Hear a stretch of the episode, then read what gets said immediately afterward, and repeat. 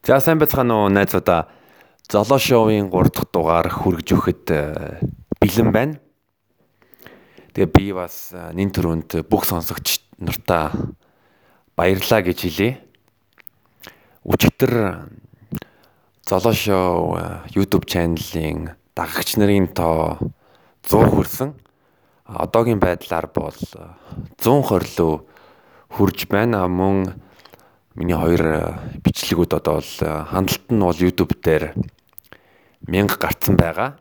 Тийм болохоор би та бүхэндээ баярлаа, хайртай шүү гэж хэлье.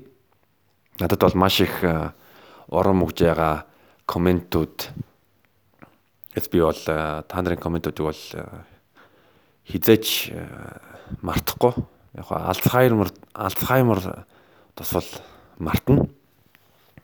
Тэг өнөөдрийн өнөөдрийн дугаар бол түүх ярьсан дугаар бол болохгүй. Харин амьдралд хэрэгжүүлэх боломжтой зөвлөгөө өгнө. Тэгэхээр энэ зөвлөгөө бол үнгүй та энэ зөвлөгөөг хүссэн үедээ хэрэглэж болно. Ямар ч төлбөргүй.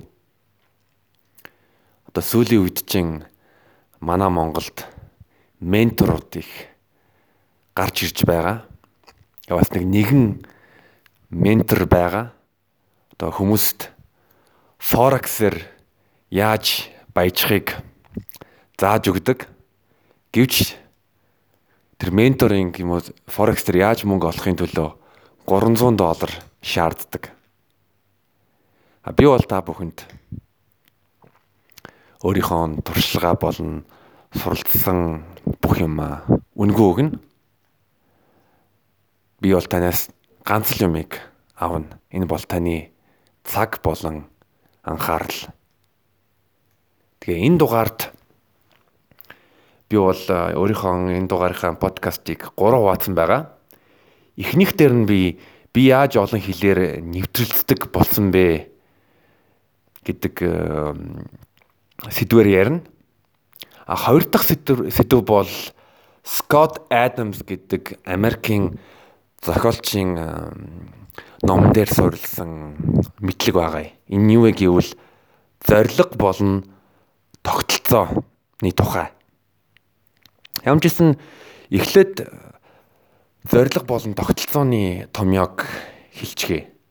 Зориг бол ирээдүйд төлөвлөсөн биелэх эсвэл үл биелэх тодорхой хүсэл. А тогтолцоо бол урт хугацаанд даад жаргал нэмэгдүүлдэг тогтмол хийдэг зүйлс. Одоо жишээ нь зориг юу вэ гэвэл жин хасах. Би 5 кг жин хасмаар байна. Харин тогтолцоо тогтолцооны томьёог дахиад хэлчихье. Тогтолцоо бол урт хугацаанд аз жаргал нэмэгдүүлдэг тогтол тогтмол хийдэг зүйлс. Зөв хооллох. Тэгээ би яагаад тогтолцоо зорилгоос илүү вэ гэдгийг тайлбарлана. Тэгээ энэ мэдлэгийг бол би гаргаагүй. Энэ бол миний санаа биш. Энэ санааг Scott Adams гэдэг Америкийн зохиолч гаргасан. Scott Adams-ийн мундаг ном байгаа. Тэр нь тэр номных нэр нь бол How to fail at everything and still win. Тэгэхээр би номынх нэрийг нь буруу хэлж магадгүй. Ямар ч Scott Adams гэд зохиолч байгаа. Тэр номыг ер нь залуу хүн болгон унших ёстой гэж би өөрөө бодож байгаа. Тэгээд бас 3 дахь хэсгүүд нь юу вэ гэвэл би одоо жишээлбэл би өөрөө яаж тогтолцоог одоо хэрэгжүүлсэн юм бэ? Ба бусад одоо жишээл миний мэддэг хоёр хүн энэ тогтолцооны системийг яаж хэрэглэсэн бэ гэдгийг талаар ярина. За Та бүхэн мэдэж магадгүй мэдгүй ч байж магадгүй. Гэхдээ би пош хэлээр германаар англиар орсоор хятадаар францаар нэвтрэлцэж чадна. Би энэ хэлээр бол энэ хэлүүдээр бол төгс эзэмшээгүй. Гэтэ би ямар ч байсан Франц, Герман, Хятад, Орос, Пош хүмүүстэй бол нэвтрэлцэж ойлголцож чадна. Тэгээ энэ энэний бас нэг гайхамшиг юм гэвэл манай уул намайг хэл сурахад түлхдэг байсан. Би ингээ аавтайгаа зүг пошийн гудамжаар алхаж байх үед манай надаас асуудаг байхгүй юу? Хөөж золоо. Энэ хажууд байгаа хүмүүс ямар хэлээр ярьж байна? Англи хэлээр ярьж байна аваа. Чи ямар хэлээр сурдаг? Энд чи ямар хэл сурдаг вүлээ? Англи хэл? Очоо яар. Тэгэл би амар л сандрал нөгөө англиарж байгаа хоёр хүмүүс рүү очоод Hello I'm from Mongolia гэж хэлсэн чинь нөгөө хүмүүс чинь над руу харангуудаа 1 доллар өгдөг. Тэгэл би аав руугаа заагаал This is my father гэж хэлсэн чинь нөгөө хүмүүс манай аав руу харангуудаа надад дахин 1 доллар өгөөд Тэгэнгүүт би 2 доллар авчгаал а окей thank you goodbye гэж хэлсэн чинь надад дахин 1 доллар өгөөд Тэгээ 3 доллар олсон билээ. За тэгээд тоглоомчгүй миний хэлний мэдлэг бол энэ бол гайхамшиг зүйл бол биш ээ. Би бол жирийн монгол хүн. Гэхдээ энэ энэ зүйлд юу нөлөөлсөн бэ гэдгийг би та би өөрийнхөө өөрийнхөө одоо өнцгөөс ярив. Би 3 настай да би 3 настай аавчтайгаа зүг Пош руу нүүсэн. Тийм болохоор миний суур хоёр хэл бол Пош болон монгол хэл. Тэвцэрлэгээс авахуулаад Пош хэл сурж эхэлсэн. Харин гэртээ бол монгол хэлээр ярьдаг байсан. Тэгэхээр одоо шууд шууд утгаар би хоёр хэлээр хоёр хэл хэлээр нэвтрэлдэж өссөн. А тэгээ баг сургуульд бол 2 дугаар ангиасаа эхлүүлээд Пош сургууль, Пошийн баг сургуульд 10 юу хэлж гисэн мэтлээ. Би баг сургуульд англи хэл сурж эхэлсэн.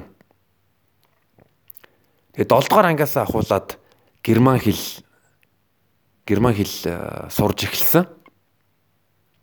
Тэгээд яг 10 жилээ төгсөөд би бол ер нь пош пош хэлээр яг пош унган пош пош хэлтэй баха монгол хэлээр э, бол ерөнхий монгол хүнтэй ойлголцох төвшний англи хэлний суурьтай бас герман хэлний анхан шатны мэдлэгтэй байсан.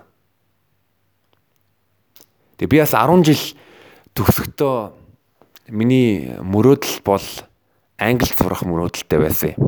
Тэгээ гэвч бичиг баримт болон санхүүгийн э, шалтгаанаас англид сурах боломж байгаагүй.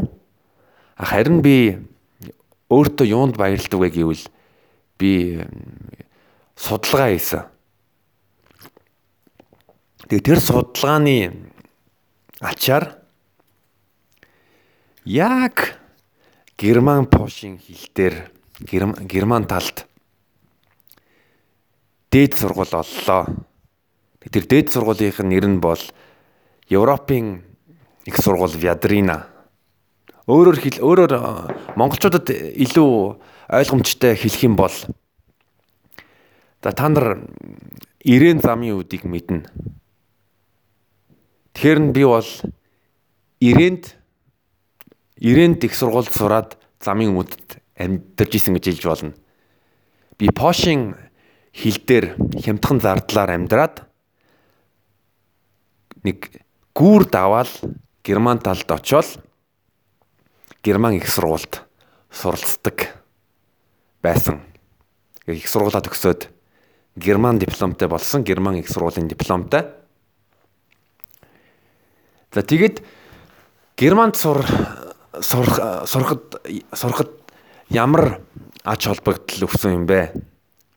Би Германд бизнесийн удирдлагаар их сурсан яг бүтэн нэр нь бол одоо олон улсын бизнесийн удирдлага гэвч олон улсын бизнес удирдлага болон энгийн бизнесийн удирдлагын хичээлүүд нь ямар ч ялгаа байхгүй зүгээр л олон улсын бизнесийн удирдлага буюу International Business Administration бол илүү гой сонсогддог. Тэгээ миний энэ чиг энэ энэ сургуулийн онцлог нь юу вэ гэсэн бол маш бяцхан их сургууль одоо Франкфурт Одер гэдэг гэдэг хот бол 56 мянган хүн амтай. А Пош даллынхын Субице гэдэг хот нь за нэг 10-аад мянган хүн амьдардаг юм билүү. Тэгээ хоёр хил ер нь хоёр улсын хооронд амьдарч исэн хүн болоод байгаа. Пошчин золот золот гэдэг юу валют хэрэгэлдэг. А Германд бол евро ашиглагддаг. Тэгээ миний сурж исэн чиглэлд бол эхний эхний 1 жил хагас эхний 3 семестрт бүх хичээл нь англи хэлээр явагдаад а гэхдээ 4 дахь семестрээс герман хэл дээр хичээлүүд орж эхэлдэг. Тэгээ тэр нь юу гэсэн үг вэ гэвэл яг яг одоо энэ герман сургууль герман их сургуульд нэг жил хагас сурах англи хэл дээр хичээл сурах хооронд заавалчгүй герман хэлний герман хэлний бэлтгэлд суух ёстой. Тэгэхээр энэ юу гэсэн үг гэвэл нэг одоо нэг сумаар хоёр туулай буудах л байгаа хгүй юу? Ягаад гэвэл 3 жил сураад хоёр хил эзэмшнэ гэдэг чинь бол асар том асар том үнц нь байхгүй юу? Тэгээ бас нэг өөр нэг сонирм гэвэл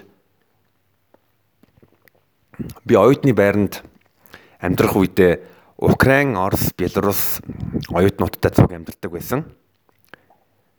Тийм болохоор бас нэг ярианы орс хэлтэй болсон. Тэдэртээ одоо 2 юм уу 3 жил дарааллаад амьдарсаар хагаад орс хэл орс хэлний ямар ч байсан орс хүн орсоор ойлголцох чадвартай болсон. Дараа нь би Дараа нь би бас нэг жил э, орос хэлний курсэнд суугаад бас орос хэл э, сурж байсан.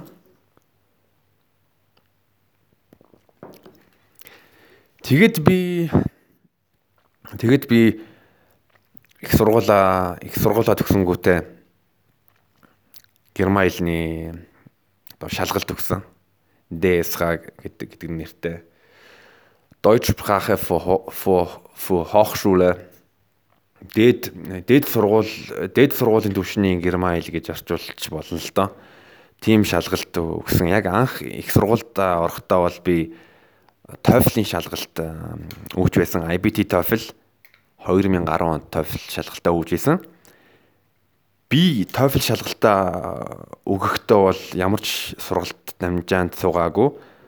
Харин TOEFL-ийн Barons гэдэг бэлтгэл бэлтгэдэг ном ном аваад тэр номыг нэг сар нүдэл нүдэл тэгээ TOEFL шалгалтаа өгөөд яг миний сургуулийн шаардсан шалгуурыг хангаж чадсан.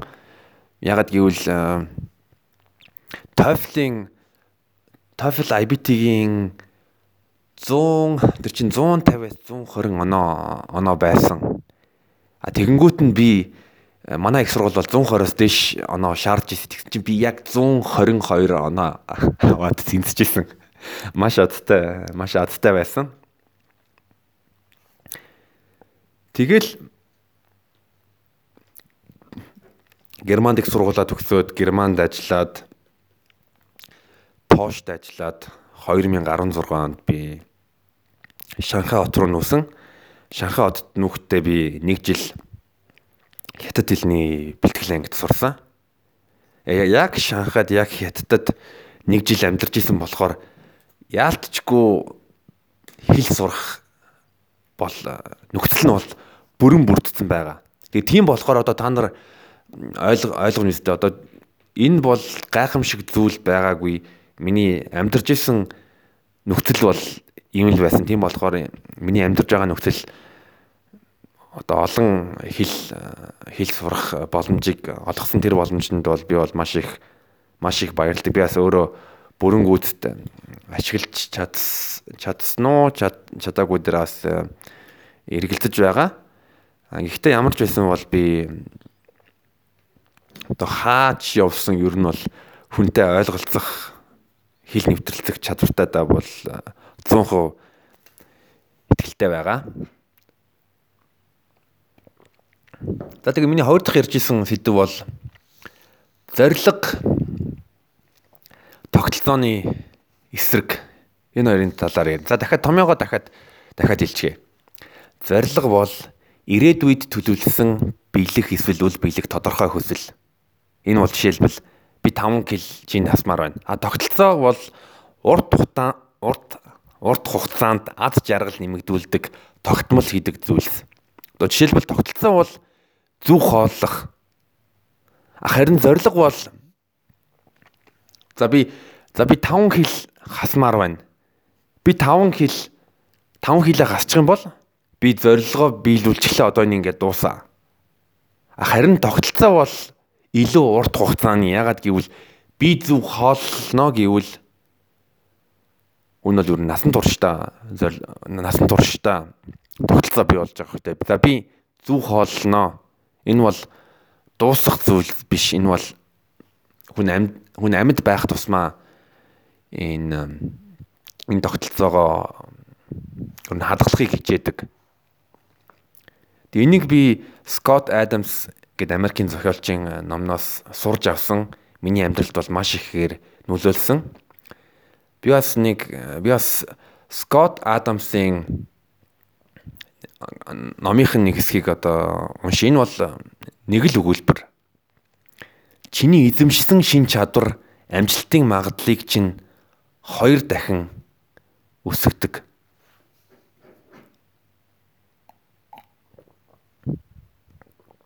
Би яг одоо ногоон цай ууж байна. Тэгээ бас нэг ялгаа гэвэл би одоо Европ маягаар цай ууя. Юу ч сонсохдохгүй байгаа биз? За би одоо Монгол маягаар цай ууя.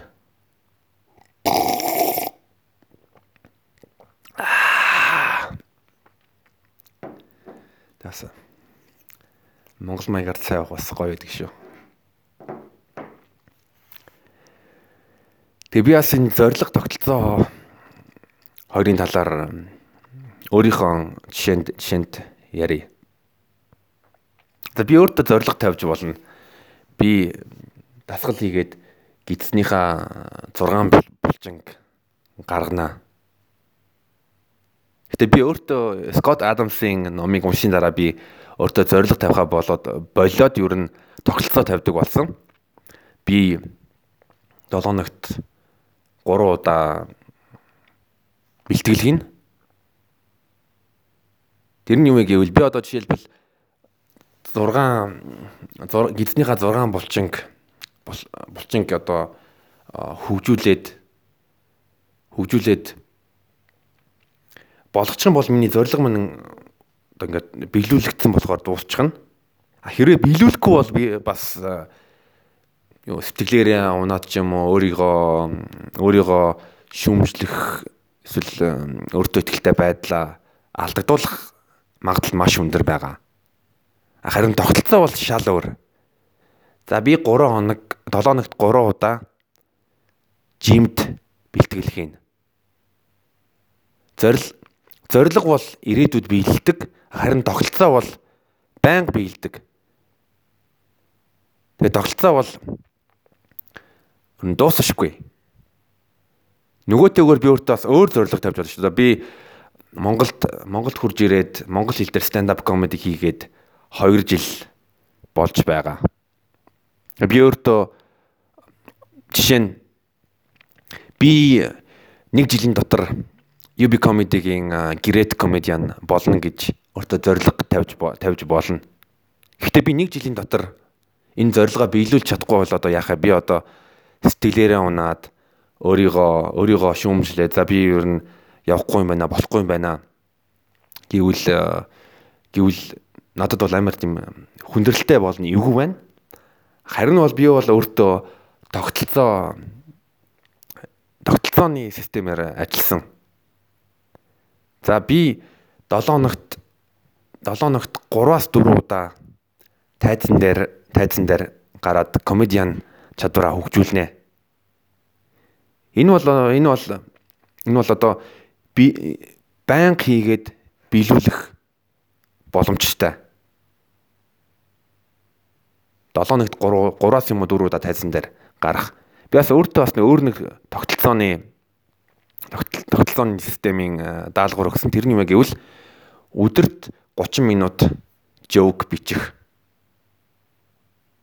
Би өөртөө юу за би супер жоок бичиж гэсэн зорилго тавиагүй. Ягаад гэвэл би супер жоок бичих чадахгүй ч байж болно, чадаж чадаж болно.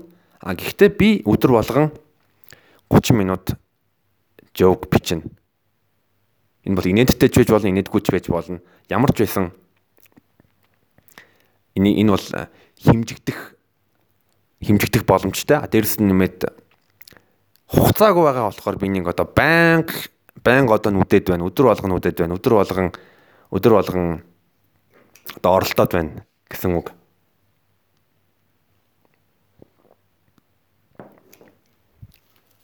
Тэгээ тийм болохоор та нар өөртөө ер нь та нар ер нь яадаг юм бэ? Тэр талаар бас комент бичээрэй.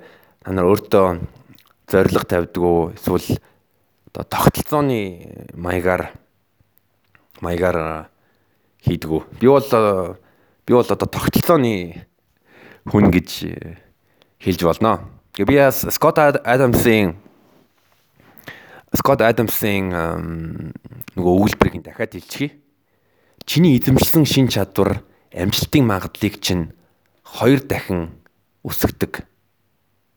Энийг юу гэж яаж хэлбэраар ойлгож болох вэ гэвэл нэг дээр нэмэх нь нэг тэнцүү 2 үгүй тэнцүү 3 Скот Адамс бас ингэж хэлж байгаа юм. Миний чадварууд дэлхийн түвшнийх биш. Миний дундаж чадваруудыг багцлвал хүчрэхэг болдог.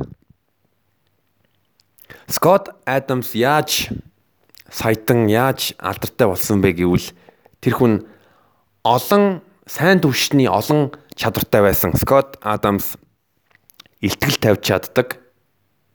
Сэтгэл зүйн мэдлэгтэй. Нягтлан бодохын мэдлэгтэй. Уран бичгийн чадвартай. Дизайны суурьтай. Хүнтэй яриа өрнүүлэх чадвартай.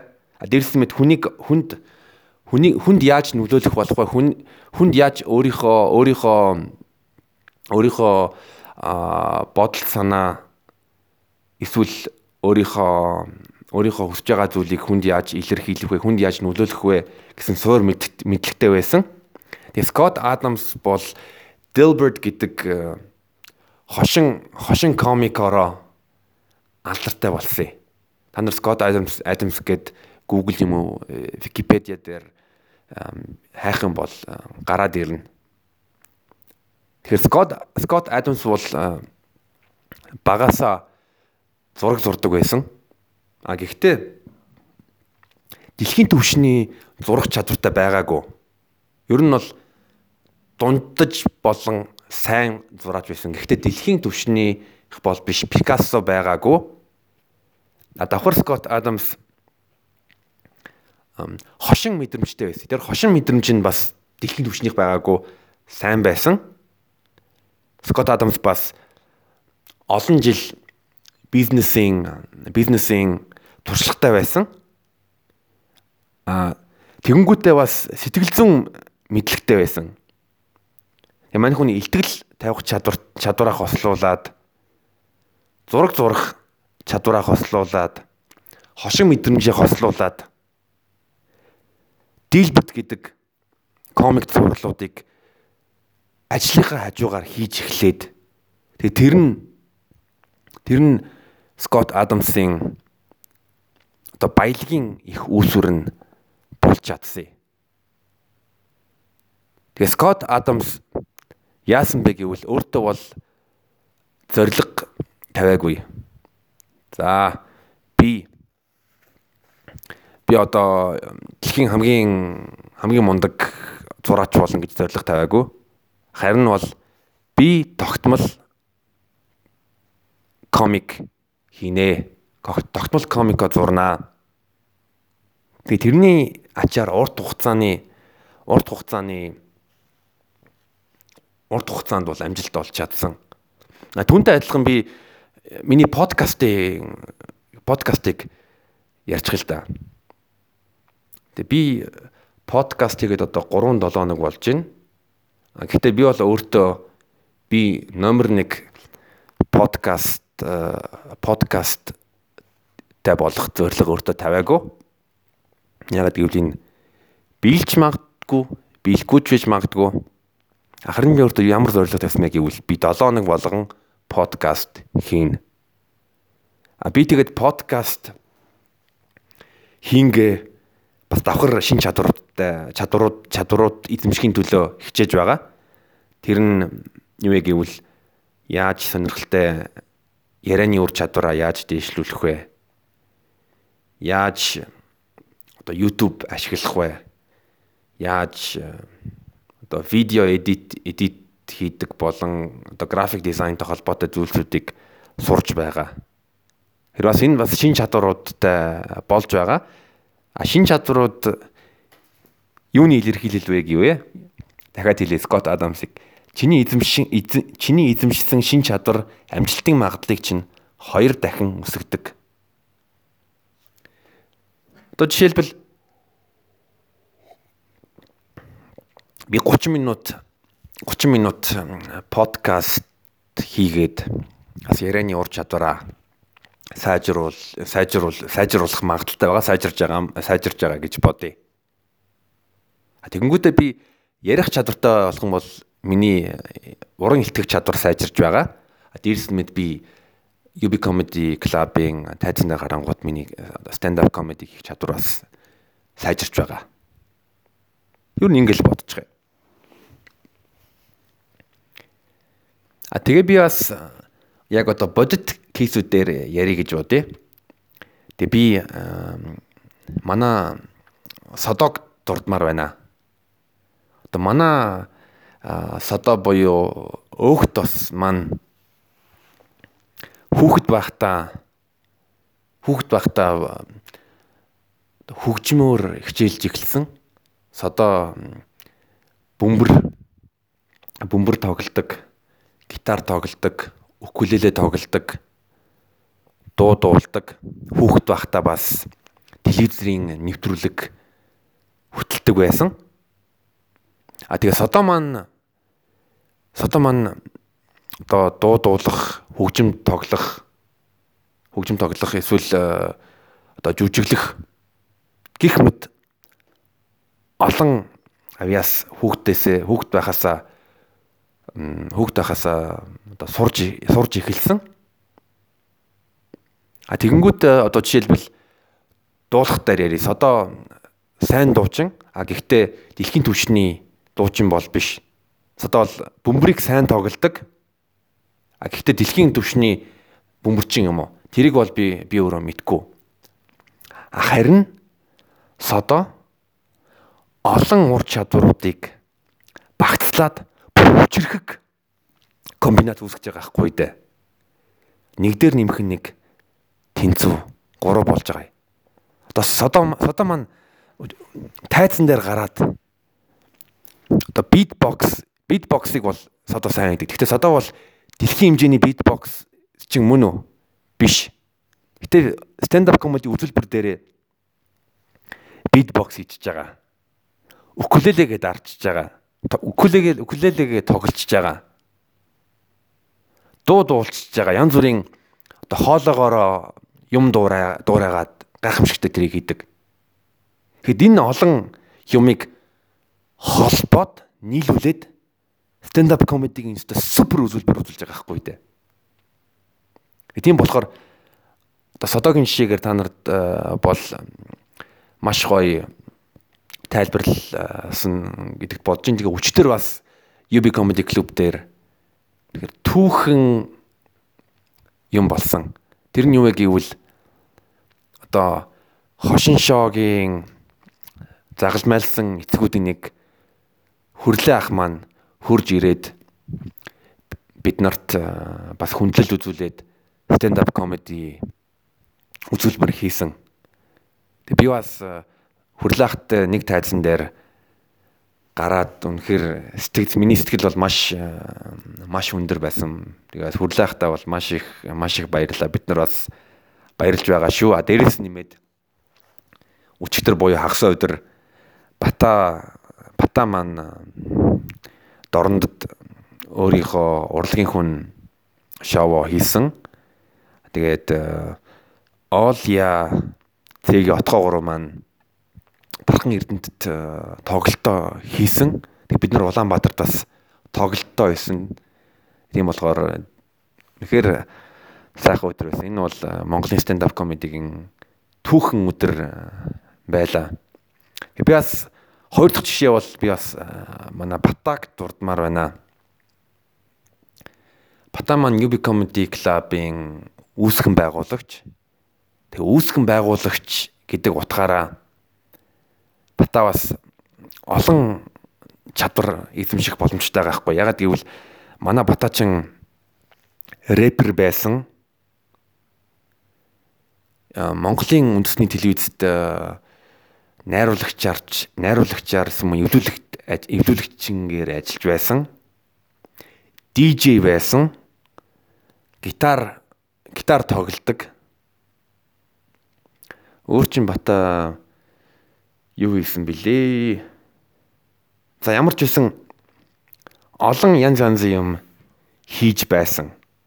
Тэгээ тэрний ачаар Батагийн stand up comedy-д бас маш сайн нөлөөлсөн. Одоо рэпер хүн чинь тайзан дээр гардаг.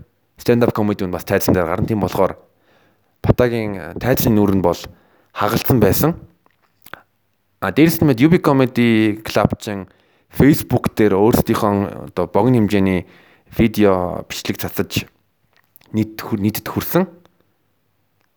А тэрний араас юу вэ гэвэл Бата Монголын Монгол телевизэд ажиллахдаа видео эвлүүлэг сурж авсан. Тэгэд энэ видео эвлүүлгийнхэн эвлүүлгийнхээ ур чадвараа UB Comedy Comedy-д ашиглаж байгаа байхгүй юу? Тэгээд ингээ бодонгууд хүн альва олон юм сурах тусам өөрийнхөө ирээдүйд маш том хөрөнгө оруулалт хийж байгаа. Тэгээ тийм болохоор одоо манай одоо оюутан сурагч сурагч нар маань бас энэ подкастаас одоо жишээ аваад бас өөрсдийнхөө ур чадварыг нэмэгдүүлээд ирээдүйдээ илүү амжилтын баталгаагаа баталгаагаа ихсэх ихсэх боломж гарч иж ин болгийг би харж байгаа. Тэгэд ер нь ямар чадварууд хэрэгтэй вэ? Би өөр өөрийнхөө жишээн дээр хэлчихье. Stand up comedy хийсний ачаар би ичимхий ичимхий байх байха багасгсан. Тэгээ олон 200 хүмүүсийн өмнө тайзан дээр гараад фейлдэг бас бас бас хэцүү мэдрэмжтэй. Тийм болохоор надад бол stand up comedy-гаас илүү одоо альва нэг сэдвээр ихтгэл тавих бол үнэхээр инээдтэй санагддаг. А гэхдээ хүмүүсийн номер 1 айдас бол одоо нийтэд илтгэл тавих гэж байгаа. А би олон зуун удаа тайзан дээр гараад тэр тэр айдас нь бол арилаагүй байгаа. Гэхдээ туршлага туршлагаас туршлагаас аваад үзэх юм бол за би өмнө олон удаа тайзан дээр гарч исэн бол ер нь би бол энийг хийж чадна гэдэг өөртөө өөртөө итгэлтэй байгаа. Тийм болохоор би өөрийнхөө одоо энэ stand up comedy-гийн чадвараа ажил дээр ашигладаг янз бүрийн ихтгэл тавих ч юм уу эсвэл нийт нийтийн өмнө ярихад бол надад болно надад бол үнэхээр асуудалгүй байгаа. Зэ им юм ярьлаа да. Үх. За 34 минут боллоо. За тэгээ та бүхэнд э, хүртээмжтэй подкаст э, болсон гэдэгт э, найдаа. За тэгээд хэдүүлээ дараагийн дугаард уулзъя. За баярлаа.